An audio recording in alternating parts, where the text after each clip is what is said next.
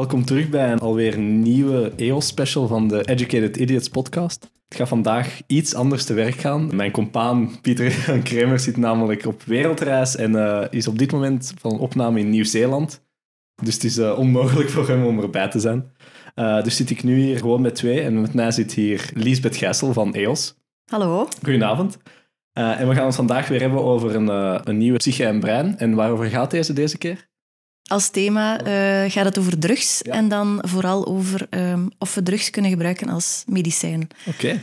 Ik heb de artikels van jou gekregen en we gaan in deze podcast gaan we eigenlijk één artikel, niet woord voor woord natuurlijk, maar gaan we daar uh, rustig door, omdat ik had het gevoel dat dit een soort van samenvattend artikel was. Het is een artikel met een interview, denk ik, met uh, professor Jan Tietgat. Ja. Waar ik zelf eigenlijk nog les van heb gekregen aan de KU Leuven. Dus ja, ik kan niet zeggen dat ik hem ken, maar ik ken wel zijn uh, onderzoeksgebied. Je kent hem uh, beter dan ik dan, denk ik. ik heb het interview niet, dat uh, verschenen is niet zelf afgenomen, maar dat heeft een freelance journalist gedaan. Maar ik heb het natuurlijk wel gelezen. En ik vond eigenlijk het, het meest interessante, eigenlijk, of het, het meest interessante, het, het, het mooiste deel van het artikel vond ik...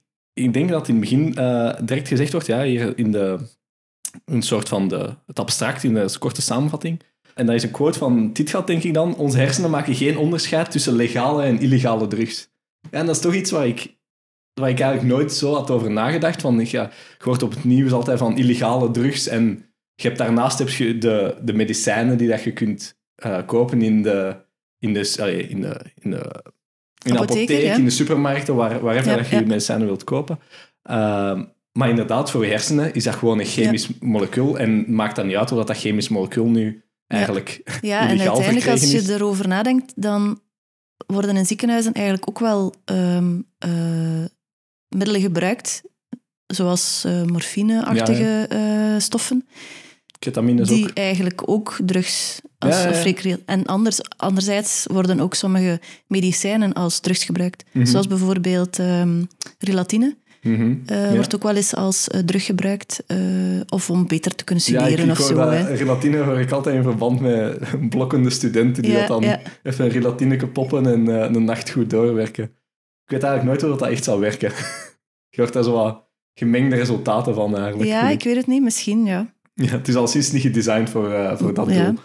Um, maar ja, dus in het artikel dat, waar het dus een interview is met Jan Tietgat, uh, gaat eigenlijk in mijn mening vooral over twee soorten, laten we zeggen, illegale drugs die dan nu ook in het onderzoek komen om te zien, kunnen we deze nu ook echt in de medische wereld gebruiken? Uh, en de eerste daarvan is, uh, is cannabis. Ja. en ik was hier een beetje zo in de, de geschiedenis van cannabis kort even gaan kijken. En het oudste geschreven bron van cannabis is blijkbaar ja, 5000 jaar geleden in China is het de eerste keer geschreven teruggevonden. Of ja, ze hebben een bron van 5000 jaar geleden uit China, waar het werd gebruikt voor um, spijsverteringsproblemen en mensen die dat bijvoorbeeld lacht, klas, uh, lacht, my, last hadden, klachten, last, klachten hadden van uh, diarree. Ah, dus dat is ja, de eerste okay. keer dat echt beschreven wordt ja. dat je die cannabisplant kunt gebruiken daarvoor. Uh, en dan, wat ik ook, ik denk dat het artikel het ook aanhaalt, is dat het onderzoek rond cannabis heeft eigenlijk heel lang stilgelegen omwille van uh, de war on drugs, die dat de president Nixon in de Verenigde Staten heeft gestart. Ja, ja in de jaren, in de jaren 70, ja, denk ik, begin, begin jaren 70. 70 ja. En toen, um, ja, want bijvoorbeeld opium is ook mm -hmm. uh, ooit ontwikkeld geweest als als medicijn mm. of als stof die interessant zou kunnen, kunnen zijn.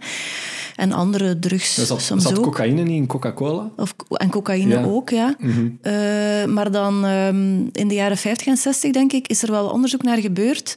En is het ook onder andere wel gebruikt in de psychiatrie, mm -hmm. uh, drugs, bepaalde drugs, zoals LSD of zo. Ja. Maar dan, um, omdat dan in de begin jaren 70 in Amerika heel fel werd op gereageerd vanuit de overheid en de war on drugs is begonnen, is de wereld daar een beetje meegegaan, denk ik, overal. Mm -hmm. En is dus het, ook het onderzoek ja, wel, stopgezet. Wat wel spijtig moet zijn, want je kunt u misschien... In die, stel je voor dat je een onderzoeker bent in de jaren 50, 60 en dit is heel je leven, je bent met dat molecuul bezig. Opeens is er dan een president of een, een overheid die zegt oké, okay, vanaf nu is dat een hard illegal drug en kunt je daarvoor opgepakt worden voor het ja. gebruik ervan, het verdelen ervan.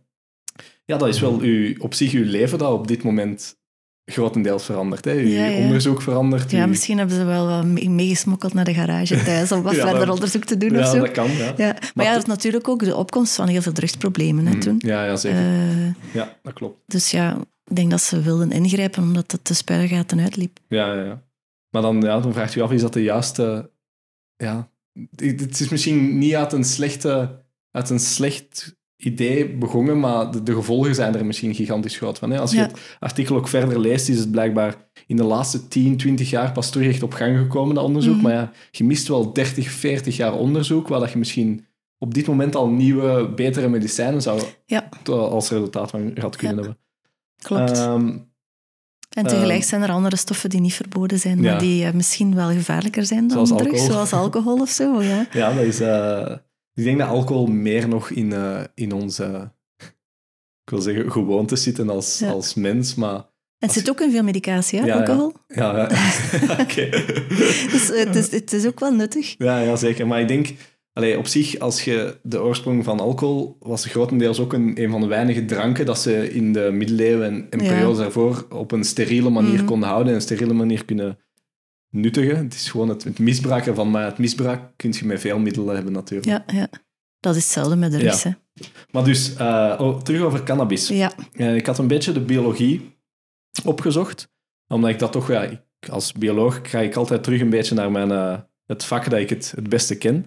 En er zijn ehm, een bijzonder aantal actieve bestandsdelen in cannabis. Ze noemen die dan ook fytocannabinoïden. Mhm.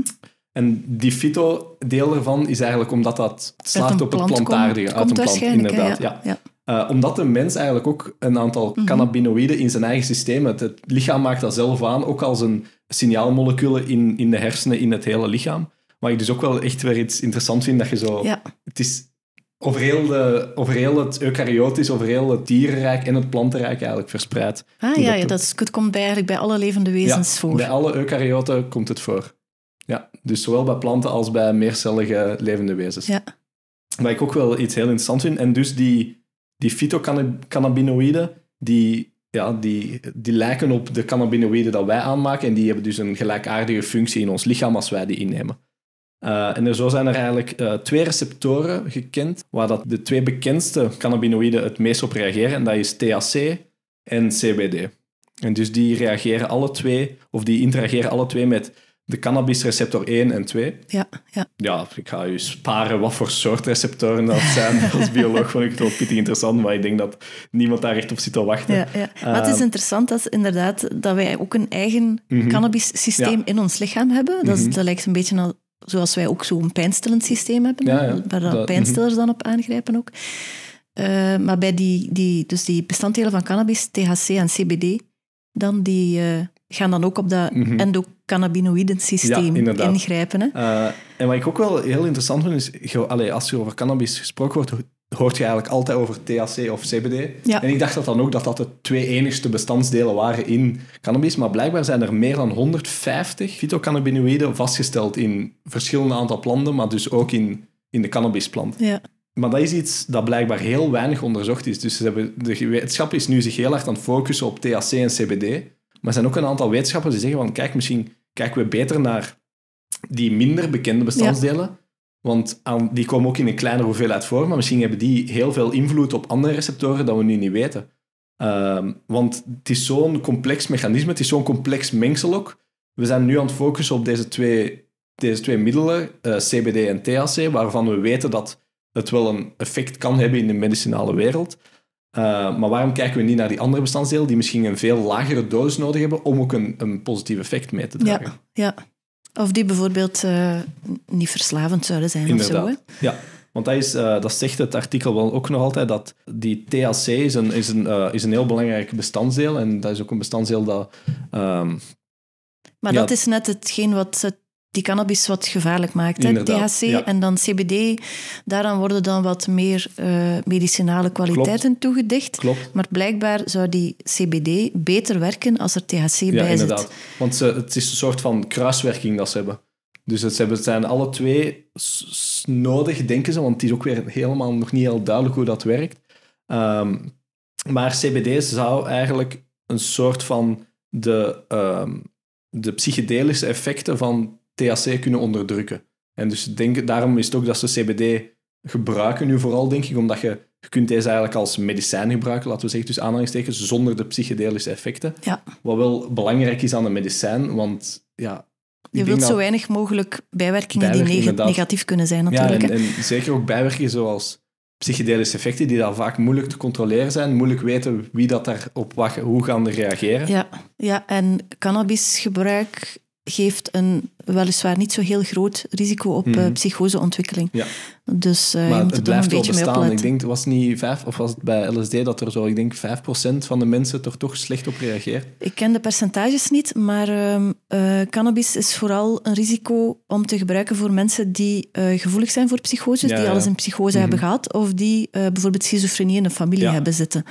Dus als, als je dat hebt, dan zou ik er gewoon niet aan beginnen. Nee, nee, maar dat is, op zich zijn er verschillende aandoeningen te bedenken waarvoor dat je beter ook niet bijvoorbeeld een, een medicijn neemt dat invloed heeft op, als stel voor dat dat een negatieve bijwerking heeft, dat je hartklep kan, Mhm. eh, kan falen. Ja, als je daar al problemen mee hebt, dan wordt ja, er ook afgeraden om dat te doen. nemen. Ja. Dus Ja. dat zijn, op dit moment lijkt het wel op, op andere medicijnen natuurlijk. Heb jij ervaring met cannabis? Eh, nee, en dat is niet alleen omdat mijn ouders naar deze podcast luisteren, maar ik heb het eigenlijk echt oprecht nog nooit Ja, geprobeerd. en ook nog nooit CBD-olie of Nee, zoiets. dat ook nog niet. nee. Ik vind dat altijd heel loesje winkels dat het eruit zien. Als je zo Ah, in ja. de stad voorbij zo'n winkel wandelt, dat is net zoals die vape shops. Dat zijn altijd zo'n grote winkels waar dat precies niemand Je binnen kunt het is. natuurlijk ook op internet bestellen. Ja, je kunt, al- je kunt alles op internet bestellen, Lisbeth, als je wilt. ja, dat is waar. Eh, Heb je heb jij het al geprobeerd? Ik heb ooit één keer eh, spacecake gegeten. Ah, ja. en een niet zo slimme combinatie met alcohol. eh, Ah, ja, weet ik dat nu dat het eigenlijk niet zo goed is. Ik heb er niet veel last van gehad, want ik zat gewoon thuis. Dus er kon eigenlijk niets Ah, ja, gebeuren. Eh, het was wel best een grappige avond. Ja, grappig zal het wel geweest zijn. Ik heb wel eh, een aantal, toen- als ik studeerde, met een aantal vrienden gaan, ja, als je zo gaat feesten, dat dan, of dan op een event zitten, die dat, oh, een event zal het niet zijn, maar als je bij iemand thuis zit of zo, waar het dan wel rondging. Eh, dat zijn een aantal vrienden van mij die dat er ook wel heel grappig op reageren en die dat, ja, je ging zo ja, te gniffelen en alles is opeens hilarisch. En maar je bent wel heel, heel hard aan het babysitten op een moment, als je het dan zelf niet neemt.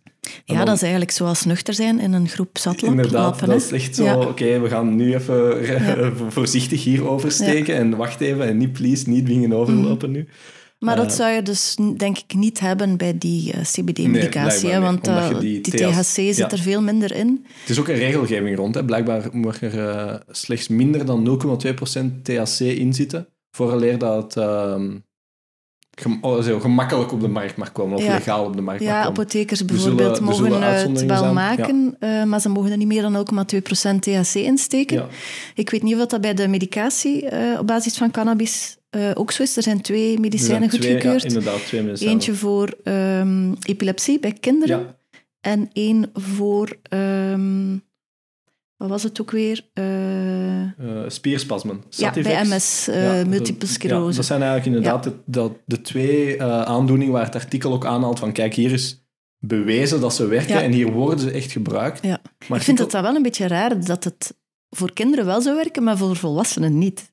Dat is toch vreemd? Maar misschien ook om in welke dosis dat gebruikt mag worden. Hè? Dat ze misschien dat ze bij kinderen dan gemakkelijker aanslaagt, omdat dan misschien nog een lagere dosis is, of die kleinere lichaampjes Ja, maar dan zo. moet je sowieso de dosis aanpassen aan, de, aan het lichaamsgewicht Mhm. en zo. Hè? Ja. ja, ik weet het ook niet. Ja, of misschien, ja, ik weet het niet, was het onderzoek niet zo goed opgezet met de volwassenen en met de Ja, kinderen wel of zo? En mogen ze daarom wel aan kinderen verkopen en niet aan volwassenen? Ik weet het niet. Eh, ja, inderdaad. Maar dat, ja, het verwonderde mij wel dat er eigenlijk nog maar twee medicijnen op basis van cannabis op de markt zijn. ja, dat zal ook li- liggen aan het feit dat... Omdat er zo zoveel langs- reclame wordt gemaakt voor CBD-producten. Maar dat wordt ook aangehaald in het artikel dat die... allee, volgens professor Tietgant is er grote kans dat die niet werken, omdat die nu eenmaal de actieve component THC niet in, in, in, in zijn mengeling, in zijn samenstelling heeft. Ja. Dus dat is ook iets dat je wel... maar tegelijk denk ik dat er gewoon te weinig onderzoek is. Tuurlijk. Omdat Tuurlijk. ehm, eh, cannabis en, en CBD wordt zo vaak aangeraden, Mhm. zelfs door, eh, ook door wetenschappers, misschien niet, niet door toxicologen, dat weet ik niet, maar eh, voor van alles en nog wat. Mhm. Vooral pijnmedicatie dan, hè, Ja. ehm, tegen pijn. ehm, Maar je hebt het in allerlei soorten. Hè? Ja, ja, zeker. Maar ik denk Het dat is ongelooflijk. professor Tietgat is, is eh, een beetje kritisch, heb ik het gevoel, in het artikel. Ja, Eh, dus hij zegt van, oké, er zijn een aantal zaken waarvoor dat bewezen is dat het werkt. Bijvoorbeeld bij die spierspasmen, bij die en bij, MS, epilepsie. Ja. eh, bij MS-spierspasmen en bij epilepsie, inderdaad. Mhm. Er zijn een aantal claims die dat er zijn, bijvoorbeeld het helpt bij kanker, het helpt bij dementie, die dat eigenlijk op dat moment, op, op dit moment, nog niet hard, hard ja, aangetoond ik zijn. denk wel dat we moeten nuanceren dat het waarschijnlijk pijn bij kanker is. Ja, waarschijnlijk. dat ja, is geen, is- cannabis Maar- is geen kankermedicijn. nee, nee, maar zelfs dan dacht ik dat er een aantal onderzoeksmiddelen waren, of dat waren dat die, omdat het vaak via dezelfde pathways gaat dat kanker werkt, dat ze dat misschien Ah, ook ja, als remmer zouden kunnen gebruiken. Ja, oh, dat is Dus er zijn een aantal onderzoeksmiddelen, of een onderzoek bezig om dat te doen, maar op dit moment zijn er nog geen allee, vaste claims Ja, of, of, ja. of Ja, ik denk, en voor die andere drugs geldt dat misschien nog veel meer. Hè, dat, Mhm. dat we moeten wachten tot als er degelijk onderzoek gebeurd is. Ja, En dat we wel kunnen verwachten, denk ik, dat cannabis misschien wel tegen meer ziektes of zaken zal helpen dan waar het nu voor vaststaat dat het helpt. inderdaad. En dat we waar- misschien binnen tien jaar of zo veel meer Ja, ook omdat we nog niet eens weten wat die andere 150 Nee. fytocannabinoïden eigenlijk Nee. doen. nee, en als we dat weten, dan kun je eventueel ehm, die stoffen uit de cannabis halen en die synthetiseren. En Ja. dan kan je daar medicijnen van maken zonder dat je die hele plant moet Ja. gebruiken. Hè? Inderdaad, dat is ook iets dat ik gelezen heb van allee, de researchers die, die zeggen van oké, we, we weten nu wat THC doet ongeveer, we weten nu wat CBD doet ongeveer. Ehm, laten we nu eens kijken naar die andere 150. En misschien kunnen we op, zo, op die manier varianten van cannabis maken waar dat bijvoorbeeld een, een groter percentage is van één van die 150 Ja. die een belangrijke werking heeft. En dat we zo gerichter kunnen handelen eigenlijk. Ja. Wat ik wel... Ja, Cannabis veredelen. ja, maar dat is, dat is wat ze op zich doen. En waarschijnlijk, dat is al... Dat is iets al jaren gebeurd, maar dat is veredeld nu, omdat het een, vaak een illegale drugs is, is het veredeld richting hoe hard meer THC trippen. eigenlijk. Hè? hard, Want ja, eh, blijkbaar zit er nu meer THC in cannabis gemiddeld. Ja, dan 20 sterk- jaar ja, het is geleden een sterkere Ja. drug geworden op dit moment, omdat het is eigenlijk veredeld richting zo weinig mogelijk moeten hebben om zo'n groot mogelijk effect Mhm. te hebben natuurlijk. Ehm, maar dat was dus eigenlijk eh, één kant van het artikel, waar ze het vooral hadden over cannabis. Ja. Ehm, dus wat zijn ongeveer de, de het, wat is het besluit hier? Dus cannabis werkt op dit moment voor een aantal aandoeningen, is het bewezen en wordt het ook effectief gebruikt. Ehm, professor Tietgat vindt dan ook dat er meer onderzoek moet gebeuren naar die andere kanten van cannabis. Oké, misschien kunnen we nog andere medicijn, eh, of een andere medicijn maken tegen andere ziektes, maar dat is veel te weinig bewezen op dit moment nog. En anderzijds vindt hij ook dat op dit moment ook nog de, de drempel nog te hoog is om richting cannabismedicijn te gaan. Dat vond ik ook wel interessant om te lezen, is bijvoorbeeld dat... Stel je voor dat jij een aandoening hebt die in aanmerking komt om een cannabismedicijn te kunnen krijgen, dan moet jij en een voorschrift hebben van je huisarts en ook een voorschrift van een neuroloog. Vervolgens moet je cannabismedicijn gaan halen bij de ziekenhuisapotheek. Ja. En dan moet je, is het dan ook nog eens behoorlijk duur, omdat het waarschijnlijk ook op dit moment nog niet terugbetaald wordt door de, door de staat. Dus hij, claimt, hij, hij is eigenlijk ook voor een meer een open regula- eh, regularisatie en eigenlijk het gemakkelijker maken van dit proces, dat, men, dat mensen er gemakkelijker aan geraken. Dus dat zijn eigenlijk de, ik denk de, de belangrijkste dingen die uit het eerste deel van het artikel komen. Ja, ja. Ehm, en dan het tweede deel van het artikel gaat eigenlijk vooral over de psychedelica. Iets waar ik eigenlijk nog minder van weet dan, eh, dan van de ja van dat heb cannabis. ik nog nooit geprobeerd. Nee, dat, dat, dat- ik vind ook als... Dat zit dan... Ik weet niet. Als, mijn beeld daarvan is zo een zakje met zo een louche uitziende paddenstoelen, wat dat zo Ja, ergens uit een bos geplukt zijn. Dat, Ja, maar je me- kunt het wel legaal kopen Ja. in Nederland. Hè? Truffels, eh, paddo's zijn daar verboden, maar truffels niet. Mhm. En ik ken wel wat mensen die dat wel al gedaan hebben.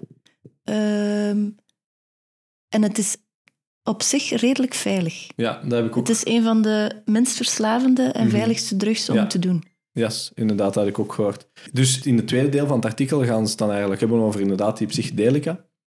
Eh, en het is eigenlijk belangrijk om te weten dat ze daar vooral hebben om die psychedelica te gebruiken in, eh, in, bij de behandeling van verschillende aantal depressies. Ik denk dat dat het tien was dat het meest uit Ja, het artikel ja. uitkwam. Eigenlijk vooral tegen één soort depressie, denk ik, namelijk eh, behandelingsresistente Inderdaad, depressie. ja. Dus eigenlijk een depressie waarbij eh, antidepressiva niet helpen Mhm. en waarbij psychotherapie ook niet helpt en andere dingen die je zou kunnen proberen ook niet helpen. Ja, en dus- eigenlijk zijn er zo wel best veel mensen, want blijkbaar is één op de drie eh, mensen met een depressie behandelingsresistent. Dus dat, is een hele grote groep. Is- ja, ik had, ik had ook dat nummer gelezen en ik dacht van, amai, dat moet er eigenlijk erg zijn als je...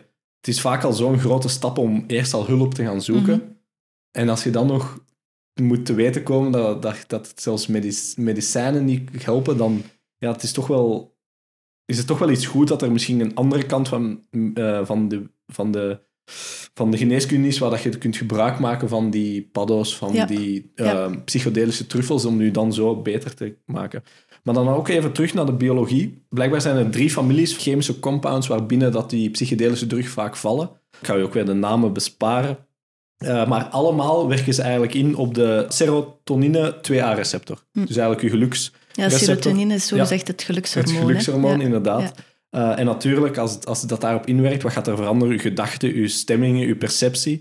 Eh, en dus ga je eigenlijk op een andere manier dingen zien, op een andere manier nadenken over de, Ja. De Ja, het interessante vond ik ook wel om te lezen dat ehm, dat, dat inderdaad op serotonine werkt, maar dat toen antidepressiva ook. Mhm. Eh, de meest gebruikte antidepressiva zijn de SSRI's, dat zijn de selectieve serotonine heropname, remmers. En die zorgen er eigenlijk voor dat er meer serotonine in het lichaam zit, Mhm. of in het brein, ehm, door die heropname te remmen. Ja, En eigenlijk zorgen ook ehm, psychedelica ervoor dat er meer serotonine in het brein komt. Dus eigenlijk Ja. doen ze een beetje hetzelfde. Waarvoor, waarvoor ik dan wel denk van ja, als die antidepressiva niet helpen, waarom zouden dan die hallucinogenen wel... ik, volgens mij, als het, eh, Maar blijkbaar helpt het toch wel. dan zal het verschillende andere pathways werken. Allee. Ja, dat zou Dus kunnen. die, als, als de afbraak geremd wordt versus misschien de aanmaak ge, Ja, ge, eh, gestimuleerd wordt, dat Mhm. zijn twee verschillende pathways dat ze ja. eigenlijk zo kunnen targeten.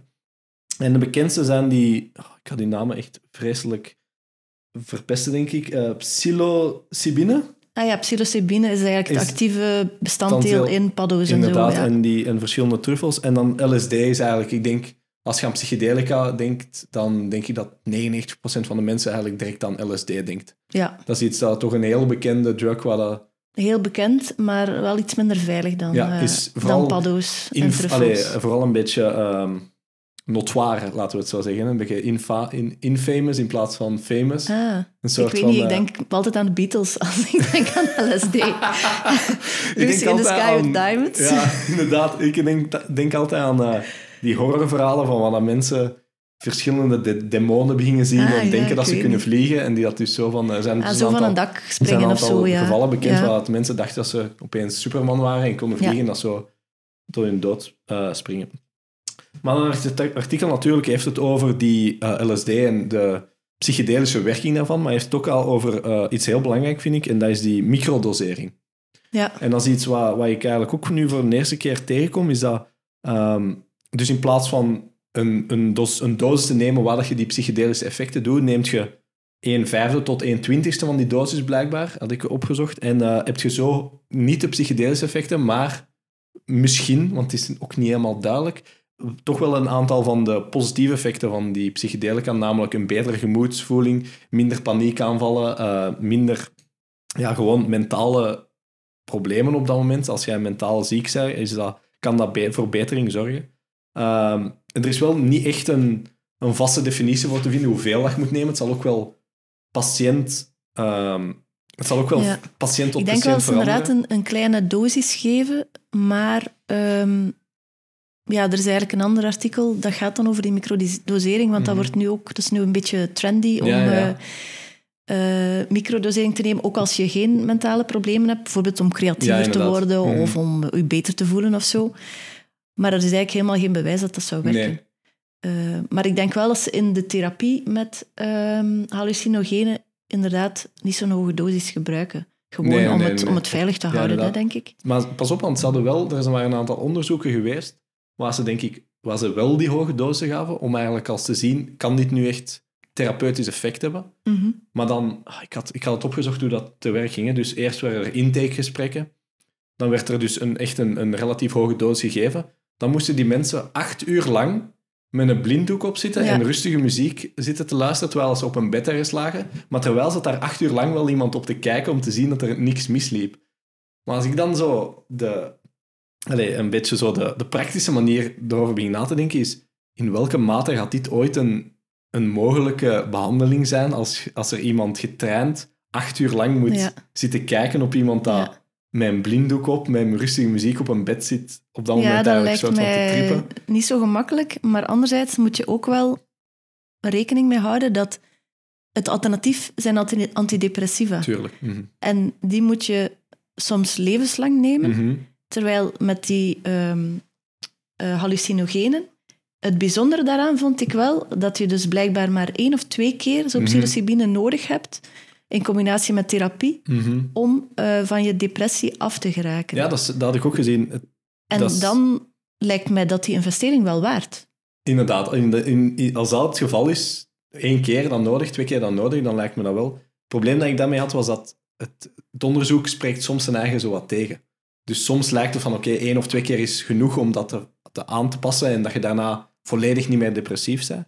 Anders heb je, heb je gevallen waar het blijkbaar dat die mensen redelijk snel terugvallen. Dus het is Ja. weer zoals bij cannabis eigenlijk, omdat er natuurlijk ook weer die stop is geweest van onderzoek. We weten het eigenlijk allemaal nog Ja. niet. Ja, je dan- moet ook lange termijn onderzoek doen natuurlijk. Hè? Want bij depressie zijn er vaak Mhm. hervallen. En als je zegt van oké, je hebt één of twee keer psilocybine ge- ge- genomen onder, in therapievorm Ja. Of onder begeleiding van een therapeut en twee maanden daarna ben je niet meer depressief, dan kan je evengoed twee jaar later terug hervallen Ja, natuurlijk. En ik denk dat het onderzoek misschien nog niet zo lang genoeg duurt of dat er nog te weinig lange termijn Mhm. onderzoek is om echt definitief te kunnen zeggen van oké, dit is de oplossing voor wie, eh, bij wie antidepressiva niet werken. Mhm.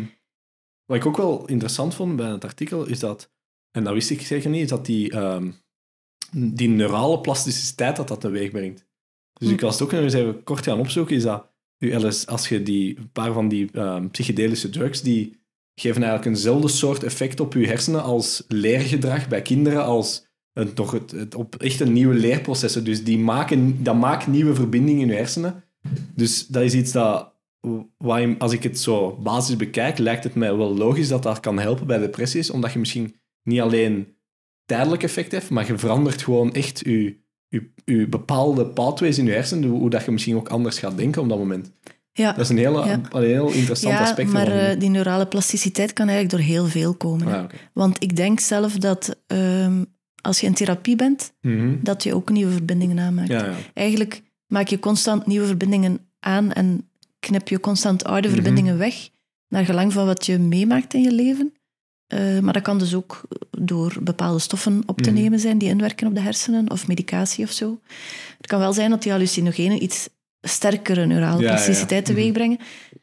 Ehm, ja, je komt in zo'n soort van roes, de emoties worden ook sterker en Mhm. blijkbaar werkt dat dan wel nog door daarna ook. Dat je dan eh, sterker emoties voelt, wat dan ook weer een voordeel is tegenover antidepressiva. Hè? Want bij antidepressiva eh, wordt toch vaak gezegd dat die je emoties afvlakken Mhm. en dat eh, Ja. veel mensen dat ook helemaal niet leuk vinden, want ze voelen dan ook niet meer de, de positieve dat is emoties. bijvoorbeeld het Alles is een artikel- beetje grijs. Hè? Het artikel haalt ook eh Selassou aan, die dat dan ook al heeft, nadat de antidepressiva niet echt werkte, heeft zij teruggegrepen op die eh Ja, psychedelische ik weet niet of ze niet echt werkte, maar ik denk dat ze het gewoon ook beu was.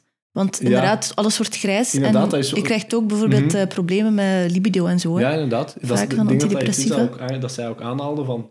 Ja, ze wouden denk ik een andere manier proberen, omdat ze al die negatieve effecten van anti- antidepressiva... Wie wilt er... Oké, je, wilt- je hebt misschien minder lage dieptepunten, maar als je die hoge hoogtepunten Ja, ja. hebt, wie wilt er nu leven als een, als een vlakke lijn? Ja, dat is waar. Dat is Ja. misschien een, een, heel, een, gewoon een saai bestaan op zich.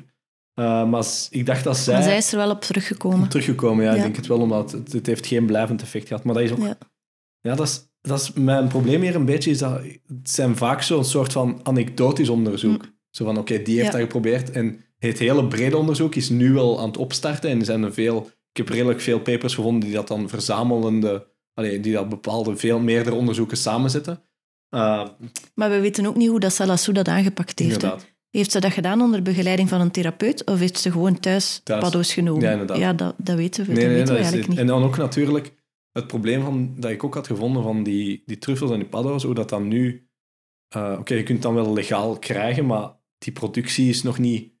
Allee, productie, dat is, dat is niet allemaal een mooi proces zoals bijvoorbeeld Nee. Pfizer zijn vaccin, Eigenlijk zijn die niet allemaal zijn hetzelfde. Maakt. En eigenlijk weet je ook, ook nooit zeker wat je koopt, volgens En mij. je weet ook je- nooit zeker je dosis. Ja. Dus misschien is zij aan het microdoseren, of denkt ze dat ze aan het microdoseren is. Ik, ik ken het geval natuurlijk niet, maar wat er kan gebeuren misschien is dat zij aan, aan het microdoseren is, of ze denkt dat ze aan het microdoseren is, maar eigenlijk heeft ze misschien oftewel een veel te hoge dosis, oftewel een veel Of te lage. ja. En dat was Ja. dat er gewoon geen Maar dat effect is natuurlijk het probleem als je natuurlijke eh, middelen neemt, Mhm. planten, Mhm. dat die nooit allemaal helemaal hetzelfde zijn. Ja, Dus klopt. dat is heel anders dan Ja, ja, een pilletje zeker. van de Mhm. apotheker. Ja, dat is, dat is zeker waar. En dan komt het wel zo wat, voor mij, dichter bij homeopathie, waar dat je zo één druppel in een zee van, van water geeft dan nu al een effect of zo. Want als Ja, dat maar zo- het kan ook omgekeerd zijn, Ja, hè, als het veel te sterk is. Ja, ja, tuurlijk, tuurlijk. Ja. Eh, want dat is blijkbaar ook iets dat ik had gevonden over, die, eh, over psychedelica gebruiken als medicijn, is dat er zijn ook een, een, een soort van gevaar mee verbonden is wanneer dat je, als je een slechte trip hebt, dus als je eigenlijk een overdosis hebt, en allee, overdosis, een hoge dosis hebt, en je hebt dus slechte ervaringen, dat kan maanden daarna nog, als je een paniek hebt, of een moment van paniek hebt, kan er eigenlijk een soort van terug dat gevoel opkomen. Dus je komt eigenlijk, misschien kan het zijn dat als jij je slecht voelt op een bepaald moment, dat je eigenlijk het, het gebruik van die psychedelia eerder kan eigenlijk een versterkend effect hebben op dat slecht gevoel dat je hebt. Ja, ze spreken van flashbacks Ja, en van zo. die flashbacks, Ja, inderdaad. Ja. Dat was het woord dat ze gebruiken.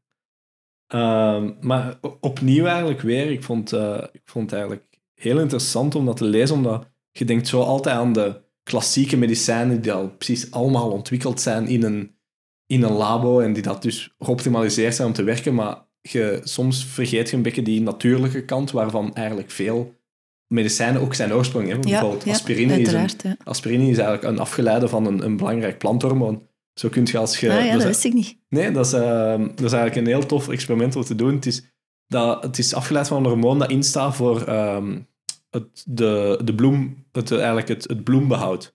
Dus het houdt eigenlijk de plant jong, laten we zeggen. Wat je kunt doen is, stel je voor dat je ehm, een boeket bloemen koopt of krijgt. Eh, als je een aspirineke in je water doet, dan gaat die langer zijn blaren Ah, echt? Ja, dat ga ik eens uitproberen. Ja, dus eh, als, je moet wel echt, je moet aspirine, het moet echt een aspirine zijn. want Een dafalgan werkt niet echt een, een traditionele aspirine. Dat is afgeleid van een planthormoon dat zorgt voor eh, ja, bloembehoud. Ja. Oh, interessant. Ja, dus ehm, dat is ook weer hoe dat ze dat gevonden hebben. Ik weet niet, misschien even geprobeerd in het labo. Dat brengt me eigenlijk bij, een, een soort van... ik had dan wat verder opgezocht over LSD en ik vind het altijd ja, is echt hilarisch soms om te gaan zien wat voor mensen dat al ontwikkeld hebben en wat de verhalen erachter zijn. En dat stond niet in het artikel, het is echt gewoon puur uit eigen interesse. Ehm, en dus LSD is in 1938 de eerste keer door Albert Hofman eh, gesynthetiseerd. Ze waren eigenlijk op zoek... Ja, 58 denk ik. Eh, ik dacht 38. Ik ben eigenlijk Ah, ja, ja. Ik weet niet dat artikel 58 zegt, maar ik ben eigenlijk echt zeker dat het 38 is. Ja, Nou, misschien is het artikel verkeerd. Ja. Eh, dat, zou, ja, dat kunnen we straks nog wel eens even Ja, bekijken. ja. Ehm, maar dus, eh, 19, laten we zeggen, 1938 heeft Ja. hij het eerste keer gesynthetiseerd. Eh, en dan hadden ze er niks mee gedaan. 1943 heeft hij het opnieuw eens gesynthetiseerd. Heeft hij waarschijnlijk dan tijdens dat onderzoek heeft hij per ongeluk een, een dosis binnengekregen. Ik weet niet hoe dat hij het binnengekregen heeft, maar is dat nu door omwille van de synthese dat er dampen zijn vrijgekomen? Of- Zou je dat niet altijd zelf eens willen proberen als Allee, je daar daarmee is- bezig bent? Ja, dat is Allee, eigenlijk dat het- is, het, dat is het punt ervan eigenlijk, is dat... ehm, eh, het, hij heeft dat dus per ongeluk binnengekregen.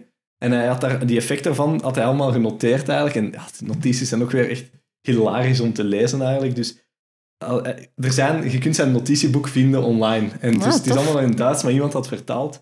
Ehm, en dus hij heeft echt zo opgeschreven om 17 uur. Beginning dizziness, feeling of anxiety, visual distortions, symptoms of paralysis en desire to laugh.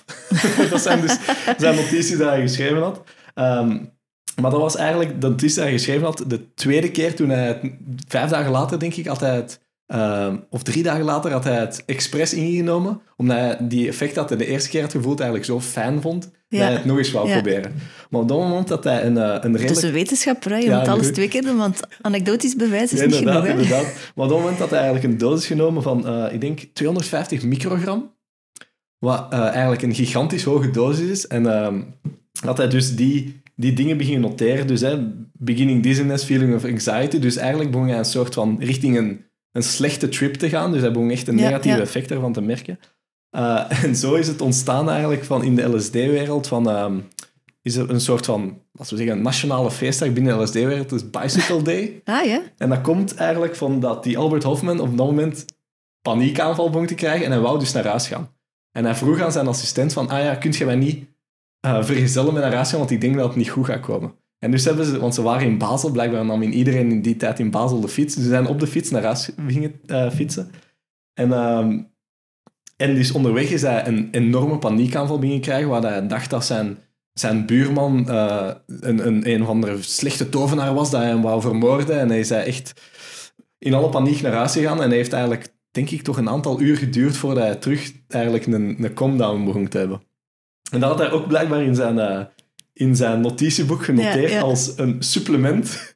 De dag erna had hij geschreven: Home by bicycle from 18 o'clock to uh, around um, 20 o'clock, most severe crisis.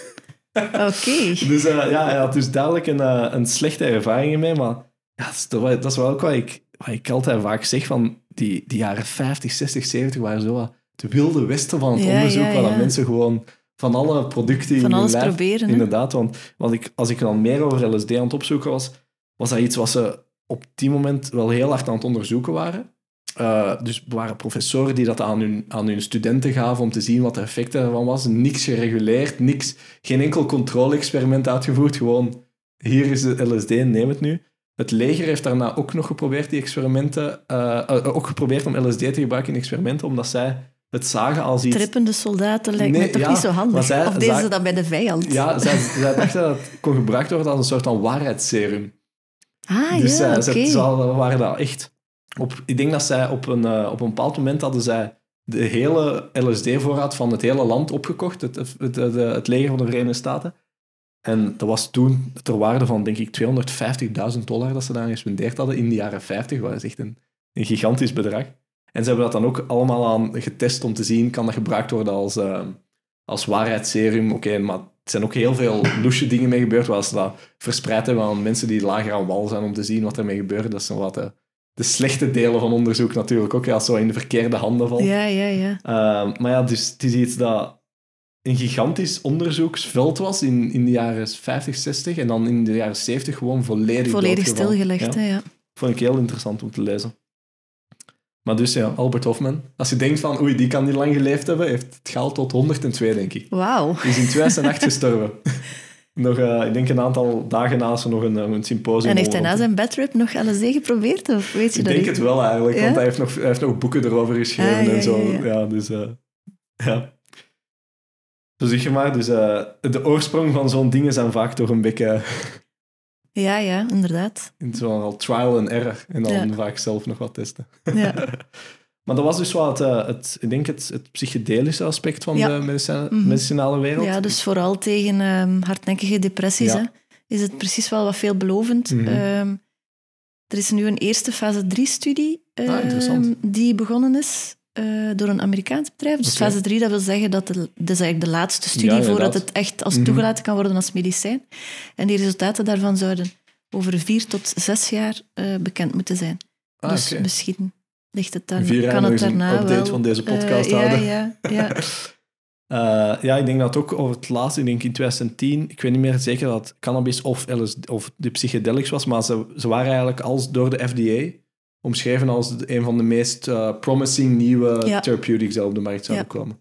Maar ook wel aanduidt dat zelfs als je, je hebt een negatieve connotatie daar rond drugs verbonden zijn, maar dan als een federaal orgaan eigenlijk aangeeft van oké, we kunnen het ook gebruiken als, als een, een medicijn, dat wil toch wel zeggen dat er een soort van shift aan bezig is Ja. richting het eh, meer legaal te bekijken dan Ja. echt als deze grote bosdoener natuurlijk. Ja, ik denk het wel dat er eh, iets veranderd is. Mhm. Want je ziet dat toch ook, vind ik, met cannabis. Ja, ja. Eh, als je ziet wat er van die CBD-olies en Mhm. zo, waar wat er overal reclame voor wordt gemaakt, ja.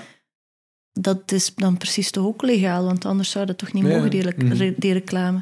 En dan die FDA in Amerika, Mhm. die dan eh, psychedelica ziet als veelbelovend medicijn. Ja, dan, er, er beweegt wel wat. Hè. Ja, ik denk dat als we, ik denk, als we binnen tien jaar naar deze podcast nog eens luisteren, dan, dan gaan veel van de dingen die we besproken hebben misschien gewoon uitgekomen zijn. Dat er, er zullen misschien drugs zijn die daar gebaseerd zijn op cannabis, op gebaseerd zijn op, Ja. op, eh, op LSD. En niemand gaat zich daar nog vragen Ja. over stellen. Ja. allee, op zich moment vragen Dat wij... zullen wel echt niet de wondermiddelen zijn die we soms, soms denken, want cannabis wordt voor van alles en nog wat ja. eh, zo gezegd eh, maar is, ingezet. is eigenlijk iets het wondermiddel wat we... nee, allee, dat is- tuurlijk niet. je moet alles, moet, Nee. heeft een bijsluiter, zijn gewoon meer mogelijkheden. En Inderdaad. ik denk dat dat wel En dat is, goed is om toch uit te zoeken wat we hiermee kunnen. Inderdaad, dat, is, allee, dat lijkt me zo het, het, het belangrijkste toch eigenlijk, van dat, we, dat we niet alles zomaar wegschrijven omdat, we- omdat er politiek of Ja. whatever dan ook gezegd wordt, ah, dit is nu slecht. Op zich zijn veel politiekers zijn geen wetenschappers, die zullen misschien een andere agenda Mhm. hebben, die weten niet per se alles, Ja. alles van de biologie, alles van de wetenschap erachter. Dan vind ik het altijd wel erg dat om die reden 30 jaar onderzoek misgelopen is. Ja. Ja, en er bestaat waarschijnlijk medicatie die veel slechtere bijwerkingen heeft dan, Mhm. dan deze drugs. Dat denk ik echt wel, ja. Maar ik denk dat we daarmee zo kunnen afsluiten. Ik denk dat we het, Ja. eh, als je meer wilt weten over Dus de... over eh, ecstasy gaan we het niet meer hebben. Ah, dat kunnen we nog doen, dat vind ik. dat kunnen we ook nog doen, ja. Dat is, eh, maar dat was meer ook de psychedelische wereld, right? Ecstasy was meer tegen eh, posttraumatische Ah, stressstoornis. oké. Dus niet tegen depressie, maar tegen posttraumatische stressstoornis eh, zou dat gebruikt Mhm. kunnen worden. Eh, omdat het... ehm, ja, ja, het zorgt er eigenlijk voor dat Ah, je ja, de wereld een beetje door een roze bril ziet. En dat angst wat weg hebt. en je gaat ook meer vertrouwen hebben. Onder andere in de therapeut dan. Want dat, dat zou dan ook gebruikt worden tijdens therapie. Hè, tijdens Ah, ja, psychotherapie voor eh, traumatherapie. Dus eigenlijk bij traumatherapie wordt er meestal ehm van uitgegaan dat je het trauma moet herbeleven. Ah, ja, ja. Dus Zoals als je bang bent van spinnen, dat je zo spinnen Ja, op je handen zet. exposure of- therapy, Mhm, ja, En bij trauma's ook, dan vertel je eigenlijk over het trauma, Ah, ja. of je beleeft het opnieuw, Mhm. niet letterlijk dan, maar bij de therapeut. Ja, ik snap, in ook, de stoel. ja, ik snap ook wel als het zo Hè? echt een, eh, een vreselijk trauma is, dat je het niet per se opnieuw wilt. Nee, Allee, dat is ook niet de wilt. bedoeling? Nee, inderdaad. Eh, maar eh, de bedoeling is dat je dat dan herhaaldelijk doet, Ja. waardoor het wat, een wat neutralere lading Ah, zou krijgen. Mhm. Want het probleem met trauma's is dat de herinnering daaraan is veel te veel verbonden met emoties, Mhm. met angst en zo, en stress. Je herinnering wordt ook misschien elke keer dat ze, op, omdat je er niet aan durft te denken, en je denkt er alleen Ja. maar in zulke slechte omstandigheden over, ook al zijn het slechte omstandigheden, wordt het misschien ook maar enkele keer erger. Ja, je hebt eh, vermijdgedrag dan. Hè. Eh, Mhm. je wilt er niet aan denken. Je wilt ook niet in omstandigheden komen waaraan je er misschien aan zou herinnerd worden. En op den duur kan je leven echt onleefbaar zijn, omdat je het huis bijna niet meer uit durft. Ja, ja, ja. Ehm, maar door het toch erover te hebben Mhm. en je bloot te stellen aan die prikkels, eh, kan dat ervoor zorgen dat die verbindingen wat eh, minder sterk worden, waardoor dat die herinnering wat neutraler wordt en minder angstig. En dat is echt al, ik, ik- dat heb ik niet zelf Dat is eigenlijk de klassieke traumatherapie. Ja, ja. En dat, moet je dat dan ook microdoseren? Of is dat, of is dat echt een, een rave-beest dat je dan... Welke dosis, dat weet ik Ja. niet. Maar het, is, het gaat over MDMA. Dat Ja, is de werkzame stof in ecstasy. Mhm. En die eh, versterkt ook de productie van serotonine. Ja. eh, waardoor dat, dat inwerkt op de amygdala. En de amygdala is het angstcentrum Mhm. in de hersenen. Eh, en het zorgt er dus ook voor dat je dus minder angstig bent, meer vertrouwen hebt in de therapeut, waardoor die therapie meer kans op slagen heeft. Ah ja. Dus het is eigenlijk een soort van katalysator voor de traumatherapie. Ja, een soort van hulpmiddel. Ja, Ja. ja. En er is in 21 onder andere studie geweest eh, met 90 mensen, Ah, wat dat toch wel al Toch wat is. aantal, ja, hè? dat is niet heel veel, maar toch wel behoorlijk wat. In, in, in het eerdere onderzoek bij cannabis en bij, bij die psychedelische drugs zijn het vaak studies van 18 mensen of Ja. zo. Dat is toch wel... Ja, dat is veel te weinig. En ook Ja. omdat je... Wat ik ook had gelezen, is bij veel van die studies heb je een soort van ehm, expectancy effect, als ze het noemen. Ja. Dus je, allee, je weet dat je aan welke studie dat je Ja. meedoet. Je weet dat je oftewel, allee, oftewel krijgt je de drug, oftewel niet als je in een placebo-groep bent. Maar beide groepen hebben vaak een, zo, een, een Ja, positief effect ervan. omdat dat bijvoorbeeld, stel je voor dat je verwacht dat je meer creatief gaat worden. Als je erop begint te letten of je bent er meer mee bezig, ga je ook misschien meer creatief zijn. Dus dat zijn die dingen die heel moeilijk van elkaar los te koppelen Mhm. zijn. Wat ik Mhm. denk dat hier misschien ook wel Ik denk kan wel zijn. dat het een, bij die studie met die 90 mensen, Mhm. dat het wel een dubbelblinde Ah, ja. studie was. Dus dat de mensen niet wisten eh, wat ze kregen Mhm. en de ehm, wetenschappers ook niet. Mhm. Eh, en dat met placebo gewerkt is. Ehm, en de therapie bleek dubbel zo goed te werken ehm, met de MDMA, MDMA als zonder de MDMA. Eh, dus twee derde eigenlijk van die proefpersonen voldeden na twee maanden niet meer aan de criteria van eh, posttraumatische stressstoornis. Amai. En bij de controlegroep was dat maar een derde. Ja. dat is toch wel een Dus ik vind dat wel spectaculair. Het is natuurlijk wel maar één studie. Ja, ja, ja. Ehm, en je moet ook wel in het achterhoofd houden dat het in combinatie is met de klassieke therapie. Mhm. Dus dat niet dat je, als je een trauma hebt, een paar keer MDMA neemt en dat het al over is. Je moet echt MDMA wel die, die de therapie ook... eh, ja, je moet echt al die therapie ook volgen. Ja, ja. Ja. Niet gewoon op een of andere Ja. reef wat, Ja. wat pilletjes poppen en dan... eh En dan zeiden ze dat het interessant is omdat je heel ontspannen bent Mhm. en ehm, niet zo negatief meer denkt, maar dat je toch nog helder kunt denken, wat dat bij hallucinogenen natuurlijk niet zo is. Hè? Nee, nee, tuurlijk, ja. En dan heb je ook het geval dat je acht uur in de zetel moet zitten terwijl er iemand je Ja. handje vasthoudt. Gezien dat je niet een bad trip aan het hebben. Ja. Eh, ja, Dus ja, ecstasy lijkt ook wel interessant. ja. dat knippen dat stukje. Hè. Dat zetten we gewoon helemaal in het begin. Lisbeth Gijssel, ecstasy lijkt ook wel interessant. Eh, dat is wat doen journalisten dat, hè. Ja, ja. maar jij bent ge- geen eh, Dat is journalist van dat beroep, hè? Dus ik mag dat zeker doen. nee, dan zijn we het, eh, ik denk nu echt wel bij het einde van het Ja, artikel. dat denk ik ook. Ehm, het was, ja, ik vond het enorm interessant om te lezen. Dan hou ik ervan aan de podcast, dat je zoveel verschillende topics aanraakt die dat toch zo uiteenliggend zijn. Ja. En hopen dat het onderzoek verder kan gaan. Hè? Maar daar ben ik Ehm, zeker van. Ik denk dat, ehm, ik denk dat op dit moment eigenlijk al ook zo'n een, een, een duw van, laten we zeggen, de Ja. markt achter zit om, om een, een medicijn op, allee, Mhm. op, op de markt te brengen. Er is zo'n een, een groot potentieel aan mensen die dat er nood aan kunnen hebben. Als jij het eerste approved, FDA-approved medicijn bent, ja, dan denk ik dat er wel heel Ja. veel geld mee te verdienen Ik is. vraag me wel soms af waar dat die wetenschappers hun spullen vandaan halen. Voor cannabis Voor cannabis. weet ik het, want daar er zijn legale cannabiskwekerijen die dan leveren In, aan, in, eh, in Nederland onder andere zijn. aan farmaceutische Ja. bedrijven en aan, Mhm. aan, aan wetenschap ook, denk ik. zo eh, een tijdje geleden was er een programma op, op ik weet niet op welk, op, op VT4, op eh, Tom Waas gaat naar Nederland, dat hem zo in Nederland rondgaat. Dat is zo, Tom Waas ging dan, ik weet niet, op bezoek in Nederland toe met corona, kon hem niet over heel zijn Ja, wereldreis ja, doen. ik heb En dat gezien. Een Ja. ervan was dan naar Nederland en een van de dingen dat hij maar ging doen, is naar zo'n legale Ja. plantage gaan. Ja, dat is, dat is echt een fabriek, hè. Mhm. Dat is, als, je, als je nu aan wietplantages denkt, dan denk je aan een of ander kraakpand waar dat ze zo een, een eh, plantage hebben gebouwd en dat, niet heel, dat Ja. zeker niet Ja, maar het legaal is heel clean, hè? dat was helemaal clean. Ja. Die stonden daar. Elk deel, deeltje werd daarna vernietigd. Dat was, ze mochten Mhm. ook niet tonen wat dat was. Oh, waarschijnlijk omdat het Ah, anders ja. Ja. binnengevallen wordt. En gewoon, Ja. Dus er zijn wel veel eens op Ja. bezoek willen komen Ja, straks, denk ik. Ja. Eh, Maar ja, voor LSD en, en, en ecstasy, dat moet dan toch ook ergens legaal worden gemaakt om die wetenschappers Ja. die daar onderzoek naar Mhm. doen, te bedienen. Ja, ja allee, bijvoorbeeld... Ik weet dat wij hadden op het, op het labo waar ik werkte, hadden wij een tijdje, een, eh, of we hebben dat nog altijd, een, een, een, een, een chemicaliën.